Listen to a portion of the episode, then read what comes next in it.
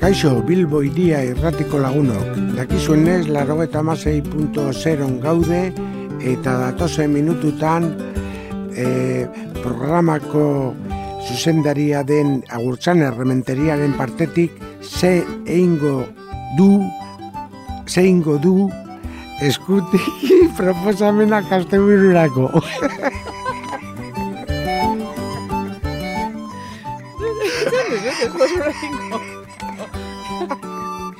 Nire partetik, nire partetik zer. Nire partetik zer.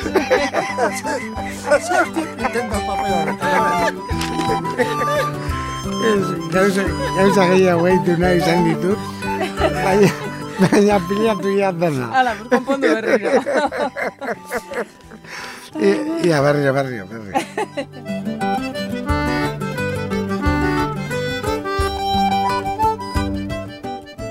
Kaixo ongi etorri Bilbo iria irratiko entzuleok. Ekainean eh, sartuta gaude, uda giroa, uda usaina hartzen eh, ari gara dagoeneko eta oporrak etorri bitartean, asteburuez gozatzeko planak eta proposamenak ekarri dizkizuegu beti bezala. Larogeta puntu dialean gaude eta orantxe hasiko gara astebururako proposamenekin hemen daukagu Leira Marika ere txerako lanak eginda eta prest. Pres, pres, nago agurtzane, hemen etorri naiz neube, bai, a ber, ibilbide, proposamen berezi, errezeta, disko, liburu eta agenda, kontatuko dizkizuegu, laster barru. Eta sorpresatxoren bat ere badaukagulakoan, beraz, orantxe hasiko gara.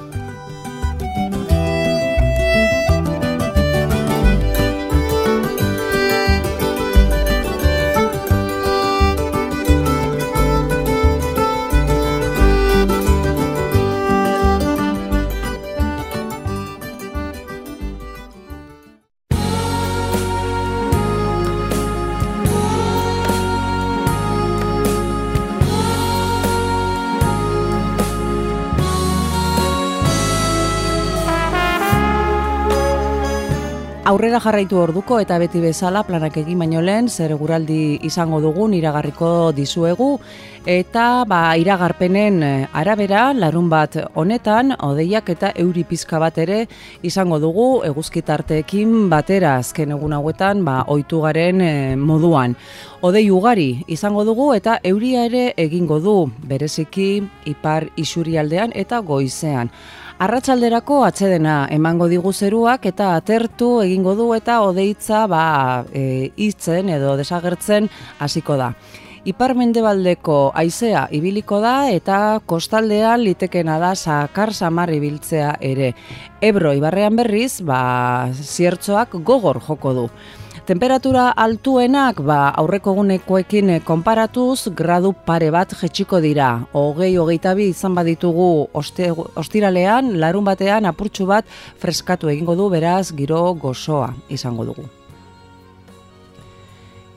Igandeko eguraldiari begiratuz, ba, aldaketa hundirik eh, ez du izango, antzekoa izango da, baina euri gutxiago, beraz, eh, esan genezake igandean aterriago izango dugu da. Odeiak ere ikusial izango ditugu, batez ere goiz partean, eta temperaturak ba, larun batean bera egindako pare bat gradu hoiek ostera be ere gora egingo dute.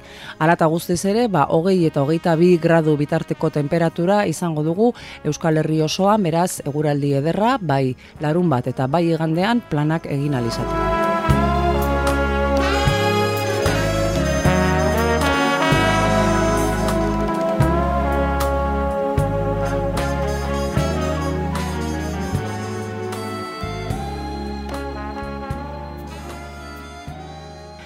Kontuan izan beraz, e, kanpora irteteko asmoa edo txangoa egiteko momenturik aproposenak arratsaldeak izan litezkela, goizean lainotuago eta euri arrisku gehiago izango dugulako, baina arratsalde politak izango ditugu asteburu honetan, beraz, beti bezala, ba, kanpora joateko txangotxo bat egiteko proposamena ekarri dizuegu. Ekarri dizuegu, bueno, leire amarikak ekarri dizue.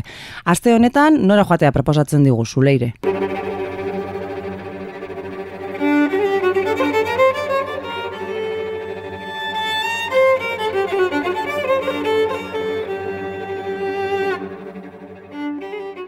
E, oraingoan e, nora joango te gara? Ba, oraingoan kostaldera egingo dugu jauzi eta oso leku paregabean ibiliko gara, oso leku ederrean hain zuzen ere, bakiotik bermiora egingo dugu oinez. Hori, ba, amabi bat kilometrokoa izango da ibilbidea, hiru ordu eta erdi edo behar izango dugu osorik egiteko, eta laureun da berrogeita amabi metroko desnibela izango dugu. Gogoratu, ba, oraingoan, e, kotxea edo autoa edo gure bilgailu partikularra etzean utz dezakegula. Eta e, bakiora joateko, ba, autobusa, bai, ba, autobusa daukagula, e, ordutegiaren e, kontua, bueno, basuek ikusi, eta ba, bertan aparkaleku horretan usten gaituen lekuan, antxe emango diogu hasiera. Bukaera berriz, bermion izango da, horrek esan nahi du horrengoan ez dela izango borobila, gure bilbidea lineala, baino. Eta bermion, bueno, ba, herriaz gozatzez aparte eta egun pasa egitez aparte, ba, hor daukazue, bai autobusa etorteko bilboraino, edo euskotren beti aukera ematen duena, alako ibilbide luzeagoa, baina atsegina urdaibaiko, urdaibaiko biztak eta aurrean ditugularik, bueno, alboan ditugularik. Beraz, az gaitezen gaurko ibilbideari ekiten.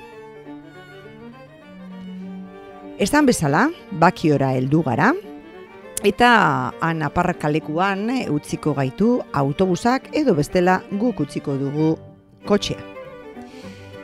Ba, bakioko ondartza dugu dugula apila puntu, mendebaletik hasi eta ondartza parez pare dugula hasiko gara oinez, bermiora doan errepidea bidaide.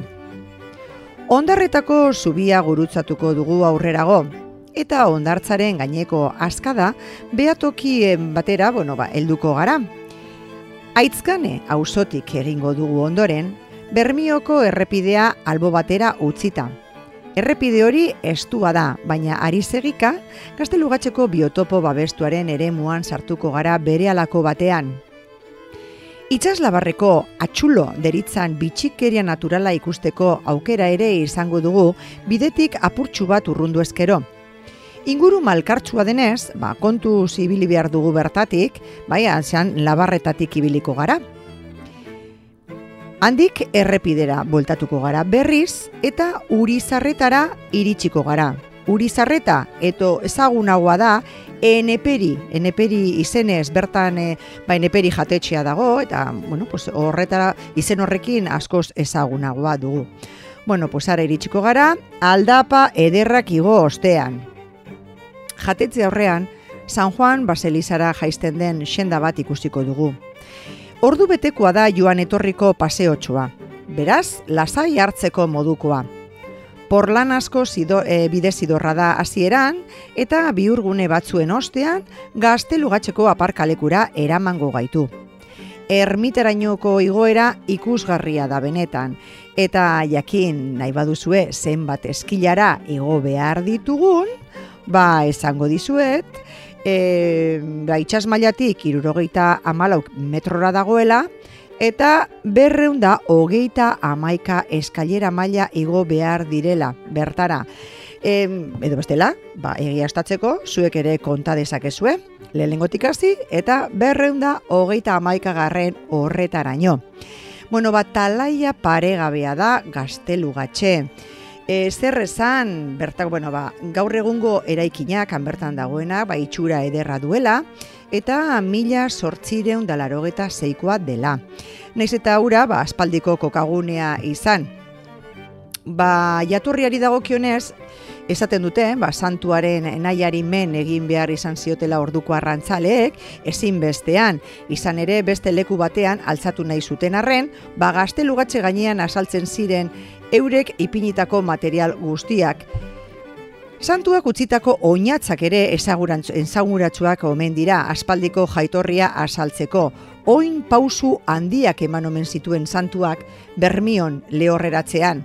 Horietako bat, Bermion bertan eman omen zuen San Juan, arkuan, antxe bertan. Beste bat, itxasalde baserrian eh, ondoan, arene deritzon inguruan, burgoa mendi gainean irugarrena eman zuen, eta azkena gaztelugatzeko azken eskailena mailan.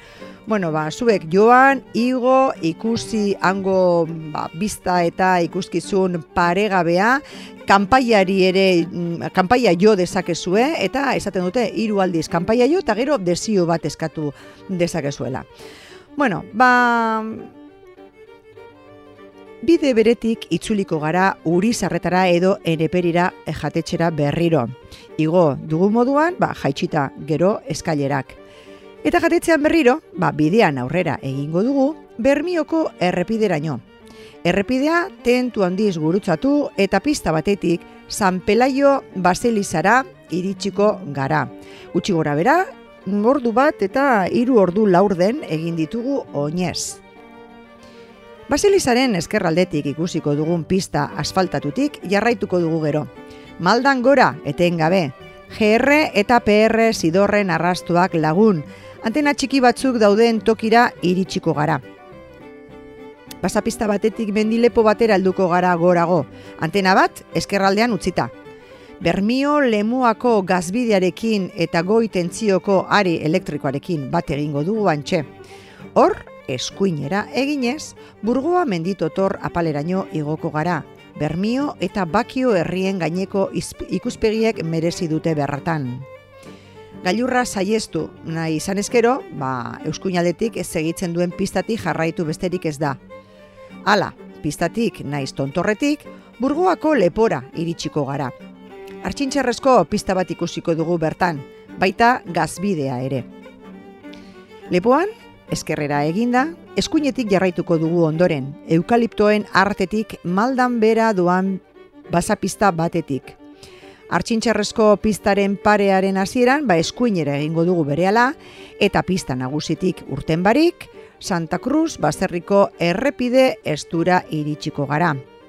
Eskerrera jo eta beherantz egingo dugu, beitxi baserriraino heldu arte. Asfaltoa bertan utzita, eskuinera eginez, hartxintxarrizko pista bati ekingo diogu berriro ere. Bidea izugarri polita da. Landak, baserriak sakabanatzen baitira bertan. Agirre auzora iritsiko gara gero, eta handik aurrean dugula orbean, ba bermiora iritsiko gara. Bide honetan, badago e, lekutxo bat e, bizitatu ez duguna, baina merezi duena eta aipatzeak ere merezi duena. Eta hori da matxitzatukoko itxasargiak, bai hilagunok itxasargiak batez bi daudelako. Ba matxitzako lurmuturrean bi itxasargi daude esan bezala. Zaharrena, itxas mailatik gertu dago, eta itxaslanei nola edo ala aspaldi utzi zien. Mila sortzireun da berrogeita amabiko abuztuaren hogeita batean jarri zuten abian. Dorre nagusiari atxikiriko eraikin xume batean, gaur egungo aparkalekua dena. Ba, itxasargi zainen lehen eskola sortu zen. Eta mila sortzireun berrogeita malautik, mila sortzireun irurogeita irurarte iraun zuen eskola horrek. Urte batzuk beranduago berriz, itxasargi berri baten premia ikusita, baura altzatzeari ekin zioten. Itxasargi zaharretik eunka metrora ikusten den itxasargi handia da, eta mila bederatzireun eta bederatzian inauguratu zuten. Dirudienez, itxasargi zaharrak lau minutuan behin ematen zituen distirak argi finkoarekin nahazteko arriskua zegoen hogei metroko dorre bateko argi distira biziek arazori konponduko zutelakoan, ba buru belarre aritu ziren lanean. Kostaldea zaintze aldera, hiru itxasargi zain izan zituen itxasargi berriak. Pues horixe dugu launok e, kostaldetik, e, ondartza batean hasi, arrantzale herri batean amaitu, San Juan e, gaztelugatxeko donien e, bizitatu, e, ariketa fizikoa egin, historia purtsu bat itxasargiena, eta hau izan da, azte buru honetako plana, joan zen ba, eta ondo pasa dezagun.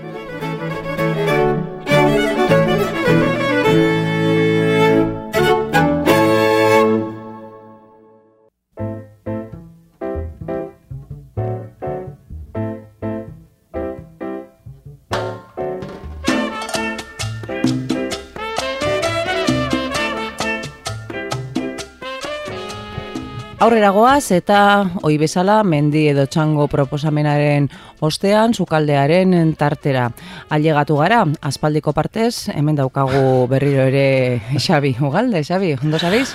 Bai, bai, bai, aspaldian eh, lanpetuta edo piper egiten ibili naiz, baina bueno, gaurkoan hemen naukazue eta gainera gauzak oso ondo egin da. eh? Bueno, hori da garrantzitsuena, lana ondo eitxia eta aldanian etortzia. Beraz, gaurkoan berriro ere urkorekin egon zara, ez? E, e, kafeantzokiko sukaldean eta berak proposatu dizu errezeta bat asteburu honetan praktikan jartzeko. Bai, e, gainera urkok eh, komentatu dit, e, ba, entzuleren batek zalantza bat omen zeukan, e, bueno, horrelako errezeta batekin, hain zuzen ere, tempura nola prestatzen den jakin nahi zuen, eta urko hori eskatu zion, mesedez, ba, bueno, tempurarekin erlazionatutako errezeta bat proposatzea, eta hori da, e, egin duguna. Oso ondo, orduan tempura nola prestatzen den ikasiko dugu gaurkoan. Bai, errezeta da barazki eta txibi tempura. Izen polita, Bai, ez? dotorea bai behintzat. Ia ba, zer esaten duen urko, nola prestatu behar dugun eh, tempura hori.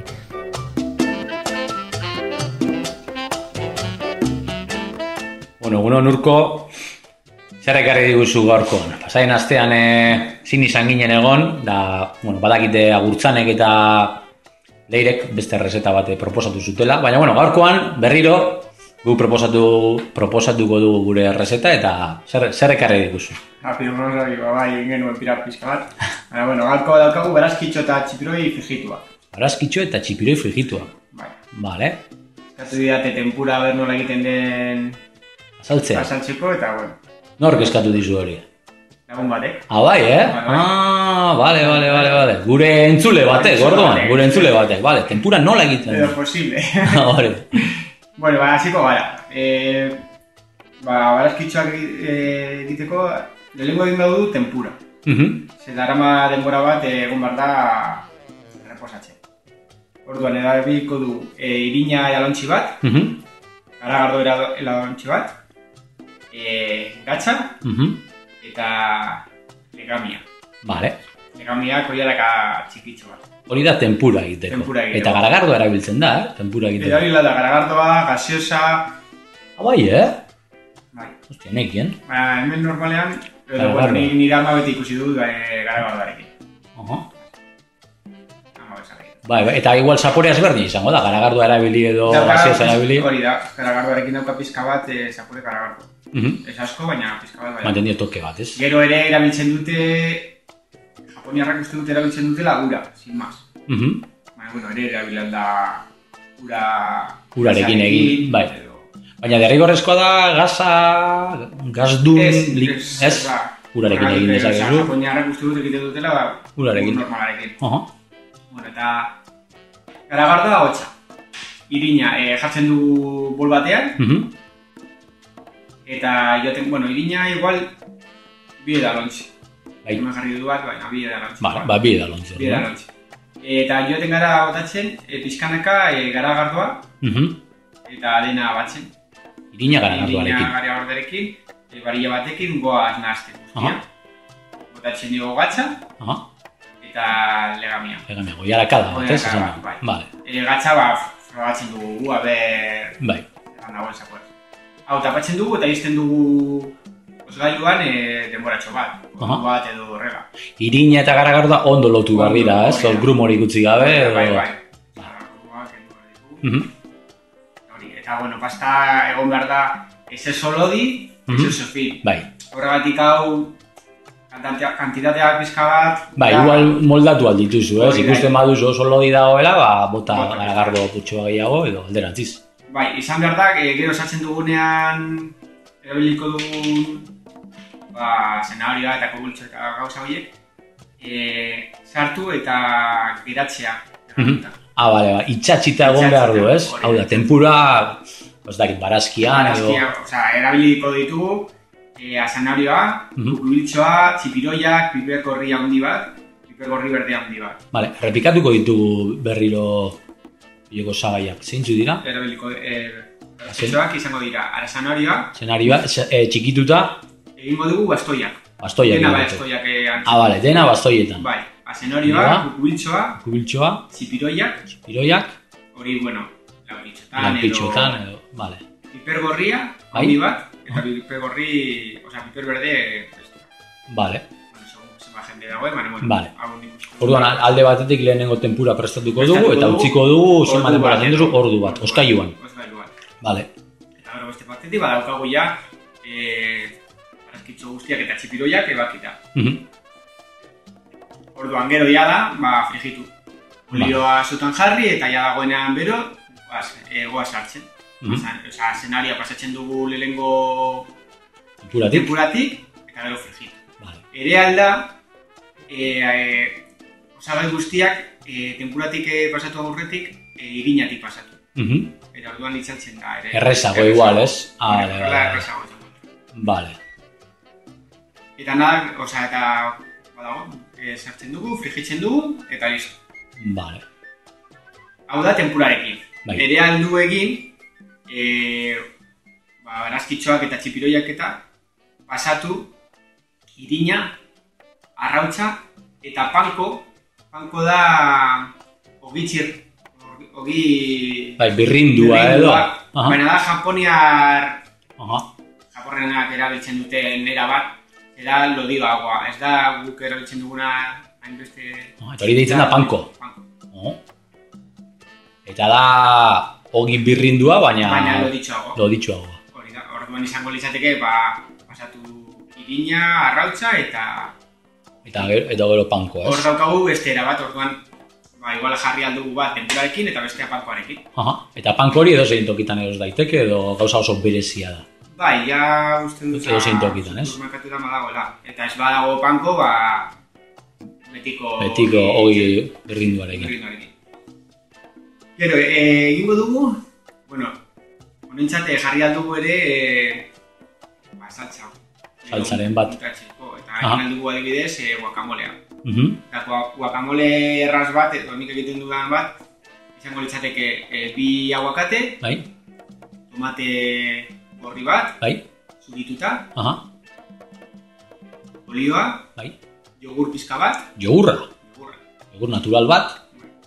Mhm. Jogur osoa. osoa, bai, bueno, osoa edo, edo Erdia, eh, erdia. Bi aguakatentzat erdia. E, eta pikante pizka bat, Mhm. tabasco edo. Bai. Dena sartu batidoraren eralotxea, txikituta, Eta badago. birrindu, joan ikuste Zaporea. zaporea eta Beritasuna. Aha. zelan geratzen den, e, gatza bota eta listo. Eta, Ni vale. botatzen dio jogurra, osea, ez dut ikusi inoiz, eh? Bai, Baina bai. ni botatzen dio, e, geratzen delako e, suabeago. Aha. Orduan, bi aguakate, tomate gorri bat, jogur erdi bat, eta E, olioa. eta olioa. Eta gatza. Eta gatza eta barkatu dut esan, e, berakatza bat. Eta berakatz bat. Eta dena, Birrindu, errindu eta listo. eta daukagu, ba, gero gure barazkitxoak eta txipiroiak, eta aldugu hortik, eta... Guacamole-tik eta... Joe, ba, gaurkoan eh, lan potentea daukagu, ez? Hau da, badaukagu alde batetik, tempura egin dezakegu, gero, bueno, panko ogi birrundu horretan ere, bueno, beste aukera bada, horretan ere egitea, eta gero guzti honetarako proposatzen duzuna da Guacamole. guacamole bat egitea.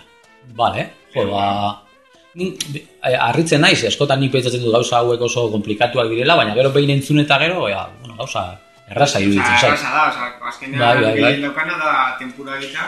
Hori da, pixkat loditasun hori topatzea, ez, neurria, eta... Eta hori azkenean bada, joan frogatzen eta frogatzen, ze, kao, nik esan aldizu kantitatea, baina gero. Hori da, bai, Gero- hori nire amak esaten zuen beti, joan probatzen, joan ikusten, eta horrela Azkenik duz. horretarako oso txarranak, nik egiten dut eta... Bai, bai, bai, bai, nik uste dut hori dela modurik onena, ez? Eta frogatzen, frogatzen, ba, bota aldiozu igual pimienta nahi baduzu, Aha. frogatzeko beste sabore batekin, edo oregano, edo... Vale, vale, hori jo, ba. Vale, ba, mila esker, eh? Eskerrik asko. Venga, agur, urko.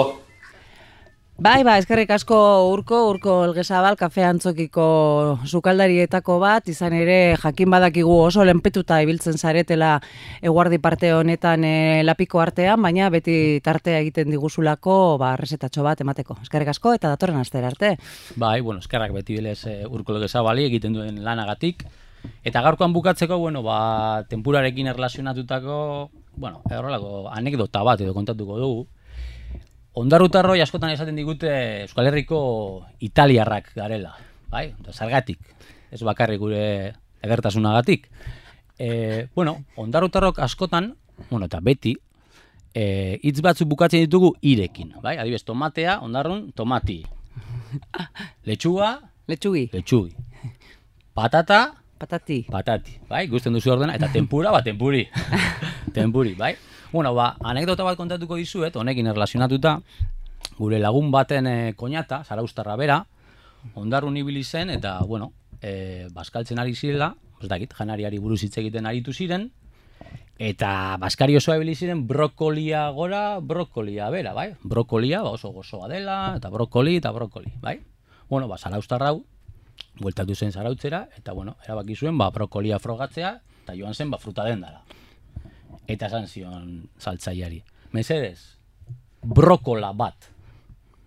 Eta esan zion, eh, saltzaia, nola brokola? Izango da, brokoli. Eta esan zion honek, ez ez, brokoli da ondarrun, baina normalean brokola esango dugu. Eta bueno, horrela da, eh? ondarrutarron hizkuntza berezi eta ederrau. Eta bueno, ea da, gustatzen zaizuen, anekdota bitxia. Benetan gertatutakoa, eh? Bueno, tempura edo tempuri, brokola edo brokoli, barazkiekin eta tempurarekin, ba, gatordu gozo bat prestatzeko aukera daukazuen, nahi izan eskero. Vale, da hurrengo astean gehiago. Datorren astera arte, Xabi, eskerrik asko. Zuei, agur.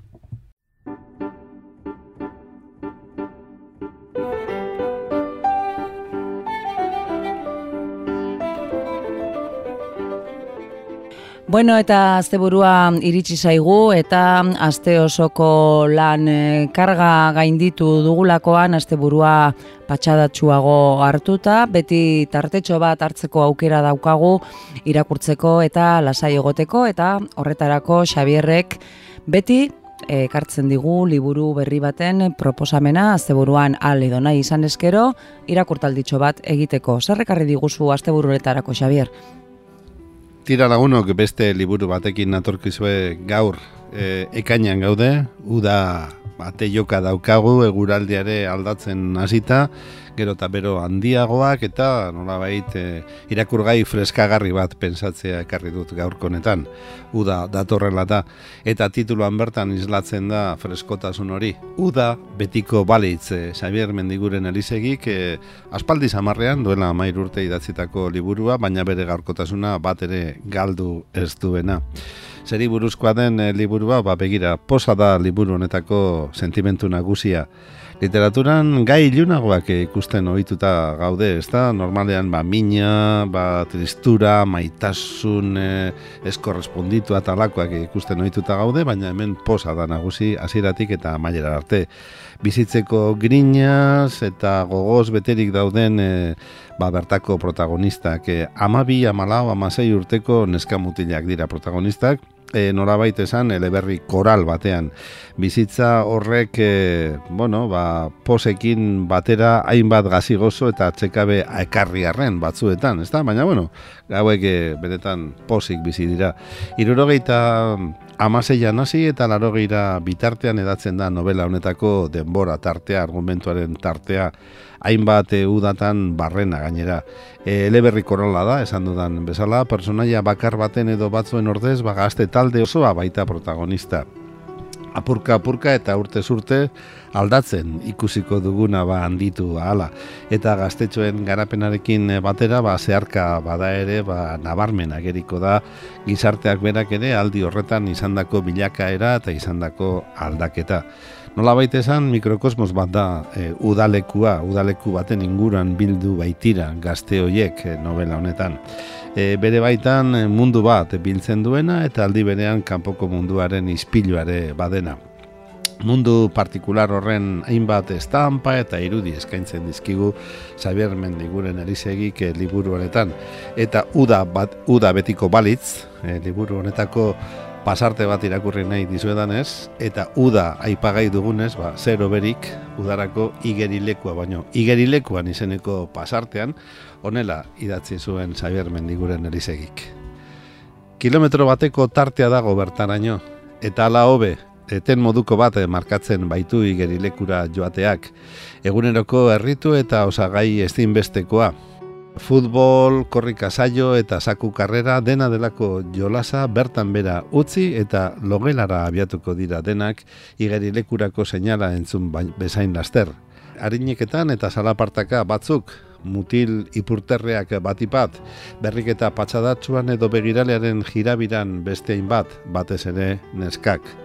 Lehenbiziko horiek ez dute lan askorik behar arropa aldatzen, gainean baitute baino jantzia, goiz goizetik jantzita gatzontziloen ordez. Eta ura eta kamiseta beste arroparik gabe, oinetako sandaliak edo kirol zapatillak espadira. Oe gainean utzitako toalla airean hartu eta eskaineretan behera abiatuko dira berriz ere, jauzika eta saltoka, eskua hoa aurrean jarrita indioen oiua antzeratuz. Uuuu! Kontuz, astakiloak, basapistiak esango diete eskaileretan gora doazenek, paretaren eh, kontra bastertuta bada espada ere. Oldar eroan datorren indio tropelak zapalduko espaditu. E, xo, geldi, esan die begirale txorrotx batek eh, parean egokituta. Gelditu dira, beraz, korrikalariak eta txintxo arpegia jarri eta txintxo arpegia jarri ere bai erretolika entzuten duten bitartean baina begiralea mailadian galdu orduko antzintzika ekin diote ostera, toalari bi muturretatik lepoan heldu eta gainerako kapa baten gisa airean eraman da uh, berriz ere. Txikia da igerilekua, hogei metro luze eta hamar metro zabal, sakonean berriz metro bete ur hartzen du aldea salean, eta barrenean sartu ala hiru metro baino gehiagora iristen da, beste muturrean trampolin koskorraren azpiko aldean. Bi metroko trampolin gain horresetara igo dira mutikoetan hausartenak. Beste inor baino lehenago iritsi eta beren toaia kurputzuaren ondoko belarretara nola nahi bota ostean.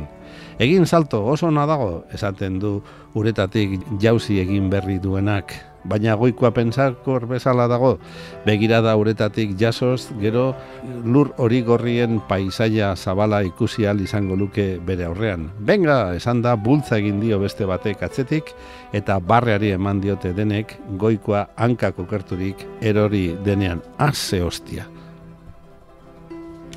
Bueno, bause da, uda betiko balitz, e, liburuko pasartea, neska mutil batzuen, nerabe batzuen gorabera kudaleku batean, baina urteak igaro ala, ikusiko dugu beraien bilakaera eta baita gizartearena ere. Irurogeita amaseitik eta larogeiko urte bitarte hortan kokatua dago eleberri hau. Berriro zan, uda betiko balitz, Xavier Bendiguren Elisegik idatzia eta elkarretxeak aterata.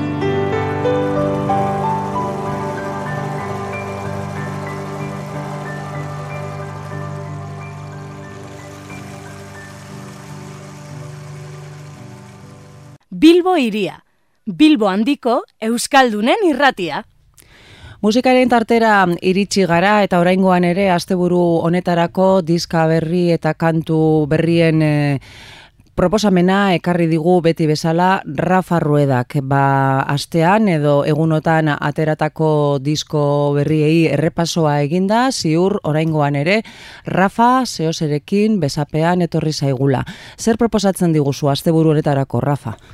Haupa gurtzane, gaur zarautzko talde batekinen ator bufalo dute izena, irukotea dira eta nahiko gazteaken gainera e, musika instrumentala da jorratzen dutena eta jasa eta posroka nazten duen estilo batean esperimentazioa ere oso gustokoa dute eta nabarmena da hori ba, bere kantuetan.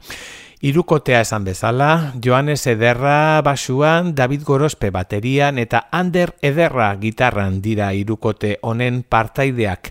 Bigarren lana kaleratu berri dute, 2008an kaleratu zuten lehena, Buffalo izen bera zuen lana, eta e, azken lan honek e, zinematik du izena zarauzko modelo aretoan zuzenean grabatua, eta Juanan Ross teknikariak e, nahaztua gazteizen duen El Cantón de la Soledad estudio horretan.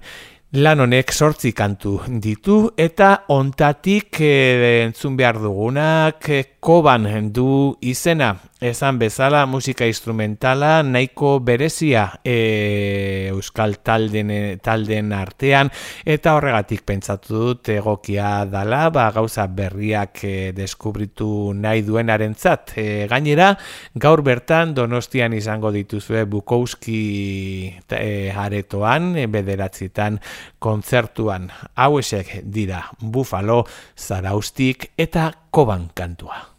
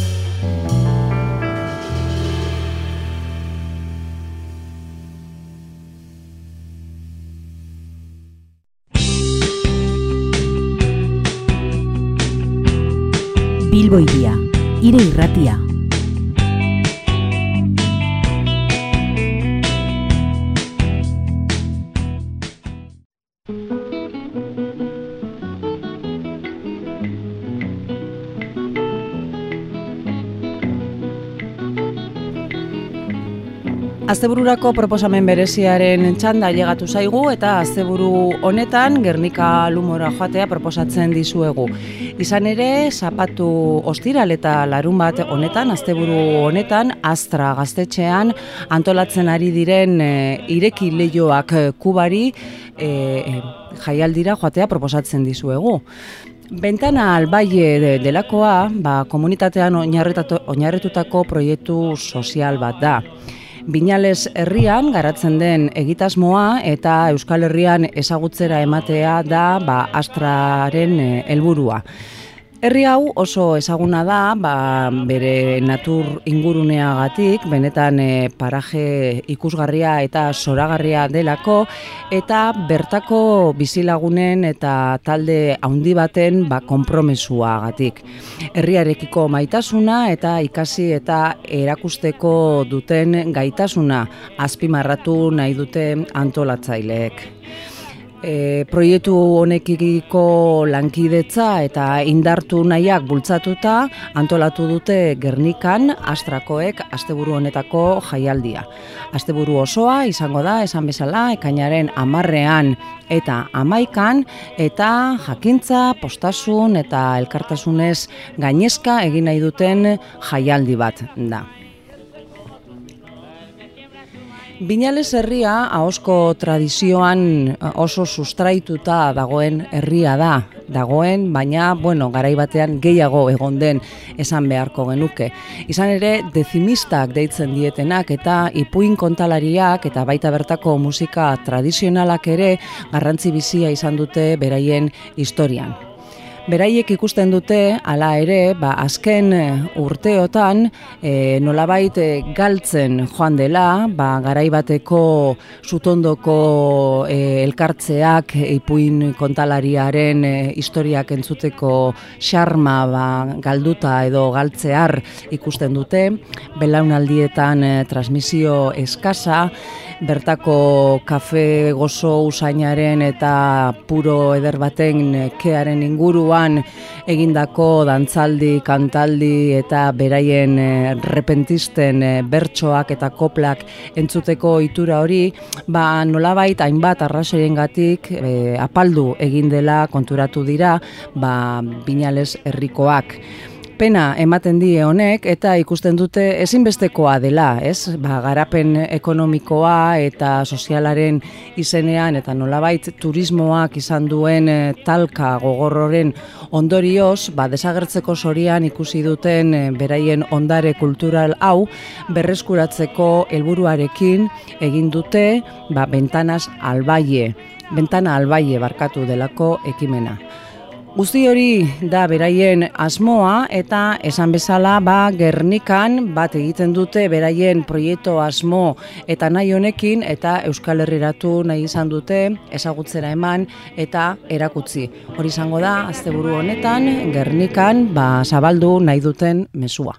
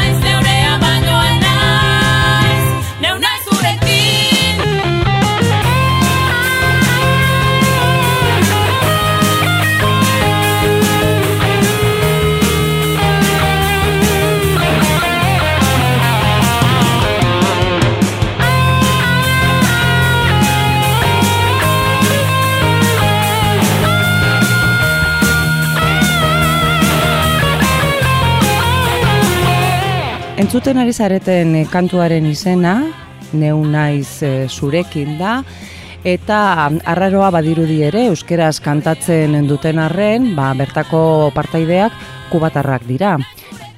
Dani Euriz eta Danielis Moia Avila aizpek osatzen dute de Capricho taldea eta Andras Kubak izenpean ateratu, atera duten disko honetatik eh, aukeratu dugu entzuten ari zareten kanta. Neu naiz zurekin izena du kanta honek.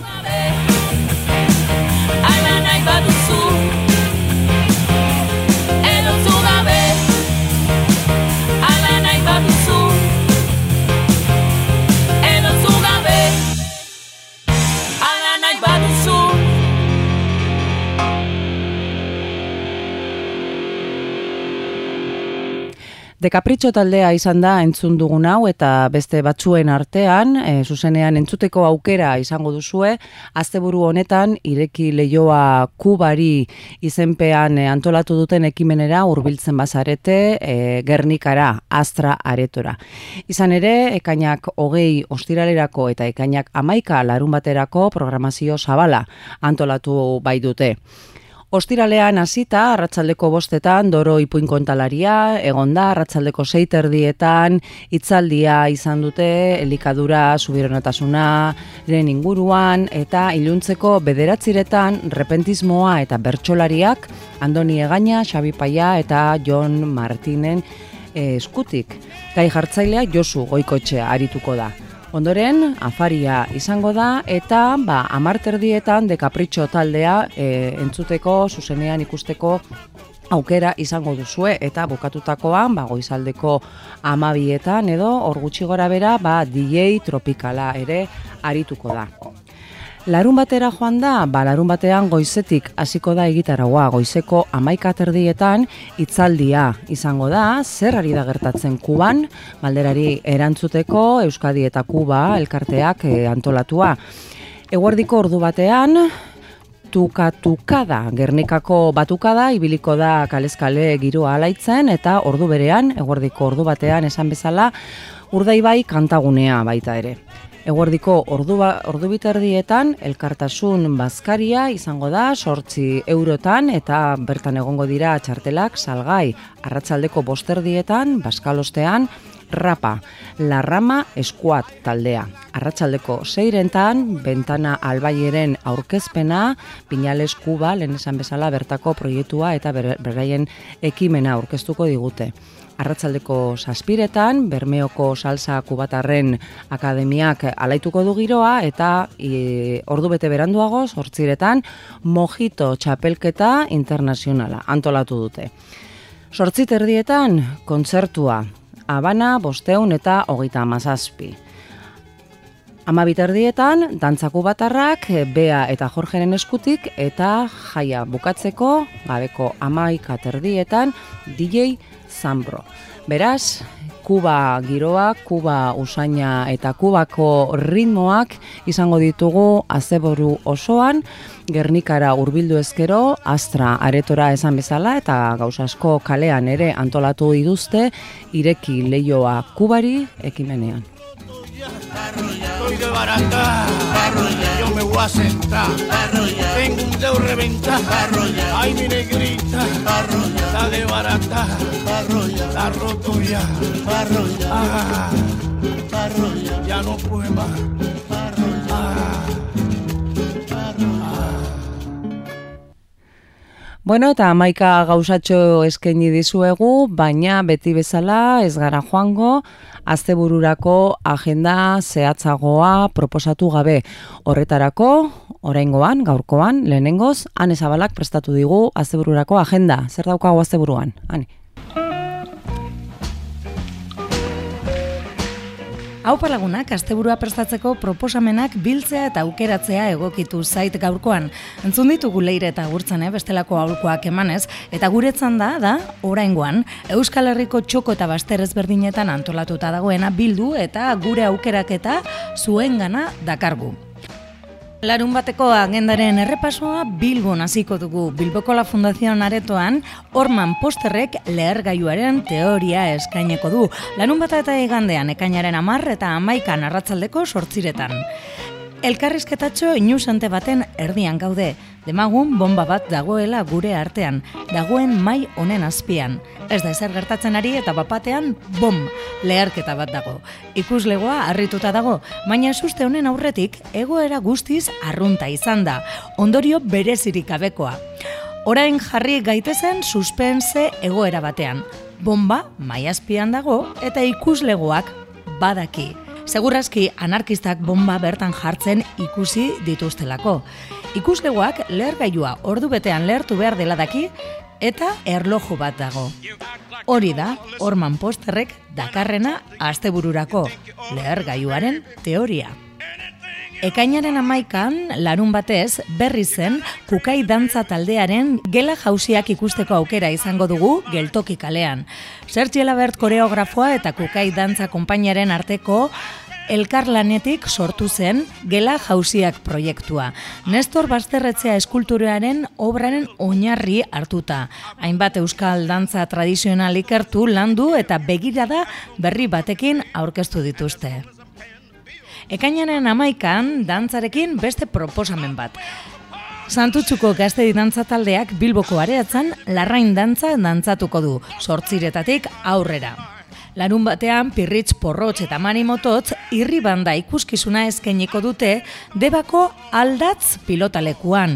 Irri banda izenpean, Pirritz Porrotx eta Mari Mototzek herriko hainbat taldeekin elkarlanean emanaldi berezi bat eskainiko dute. Paiasoen alboan, debako musika banda aitzuri abez batza musika eskolako ikasleak eta kulunka taldeko dantzariak izango dira. Ekainaren amaikan kontu kontari ikuskizuna ikusteko aukera izango da, agurainen kontu kontari ikuskizunak oroimenean dauzkagun abestiak bildu ditu eta horiek reggae, rapa edo blusa bezalako erritmo desberdinetan eramango gaituzte. Txotxongi joaen laguntza izango duzue kontu kontari ikuskizunean. Gaur Donostiako komiki etzean Koldo Mitzelena kulturguneak antolatutako hitzaldia duzue. Hiru zangotako komiki solasak literaturatik komikira. Partaideak Arkaitzkano, Patxi Zubizarreta, Ider Rodriguez eta Dani Fano izango dira. Goitzeko amabietatik aurrera. Jaiak ere izango dituzue gazteizen, judimendi auzoko jaiak dira. Musikari dago kionez, larun batez ere amaika aukera izango ditugu. Iruñako 360 jaialdiaren bigarren egunean honako hauek arituko dira. Maga, Grises, Kensazpi, Soel López eta jaiabukatzeko Edu Amu DJ-a. Ruper Ordorika larun batean Azparnen Elizbarriko karban ibiliko da. Petxi Donostiako Doka Kafe Antzokian Petxi etxeko ustarekin batera bere askelena aurkeztuko digu.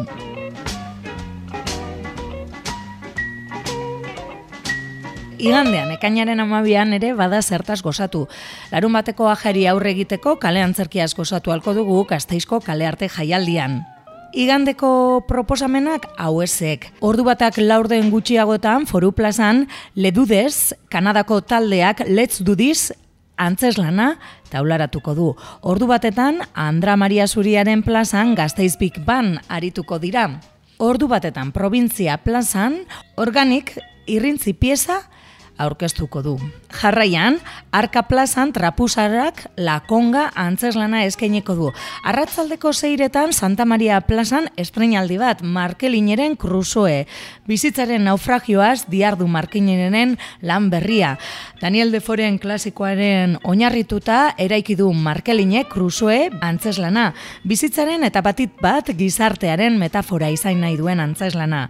Munduari plastikoko uarte batek so egin behar dion pertsonaia protagonista duen antzeslana igandean ikusi ahal izango duzue Gasteizko Santa Maria plazan arratzaldeko seiretatik aurrera. Bizkaiko abesbatzan egunea ospatuko da lemuan igandez. Igandez ere horeretako Mikel Azulo elkartean letren kilimak ikuskizuna izango da arratzaldeko seiretan. Zure poema bat irakurri nahi duzu?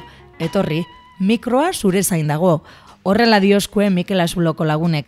Eta igandeko proposamenak bukatzeko, askoitiko mataderize gaztetzean, arratzaldeko saspiretatik aurrera, antzerki jardunaldizek eta anodino antzerki taldeak zerura eroria eskainiko du. Mikel Fernandino kidatzetako obra labur bat aurkeztu hasi zen guztia. Zerura eroria umore beltz, azurdoa eta istrionekoan murgiltzeko eskaintza egiten digu. Hau esek astebururako proposamenak gozatu eta ondo pasatu. Bueno,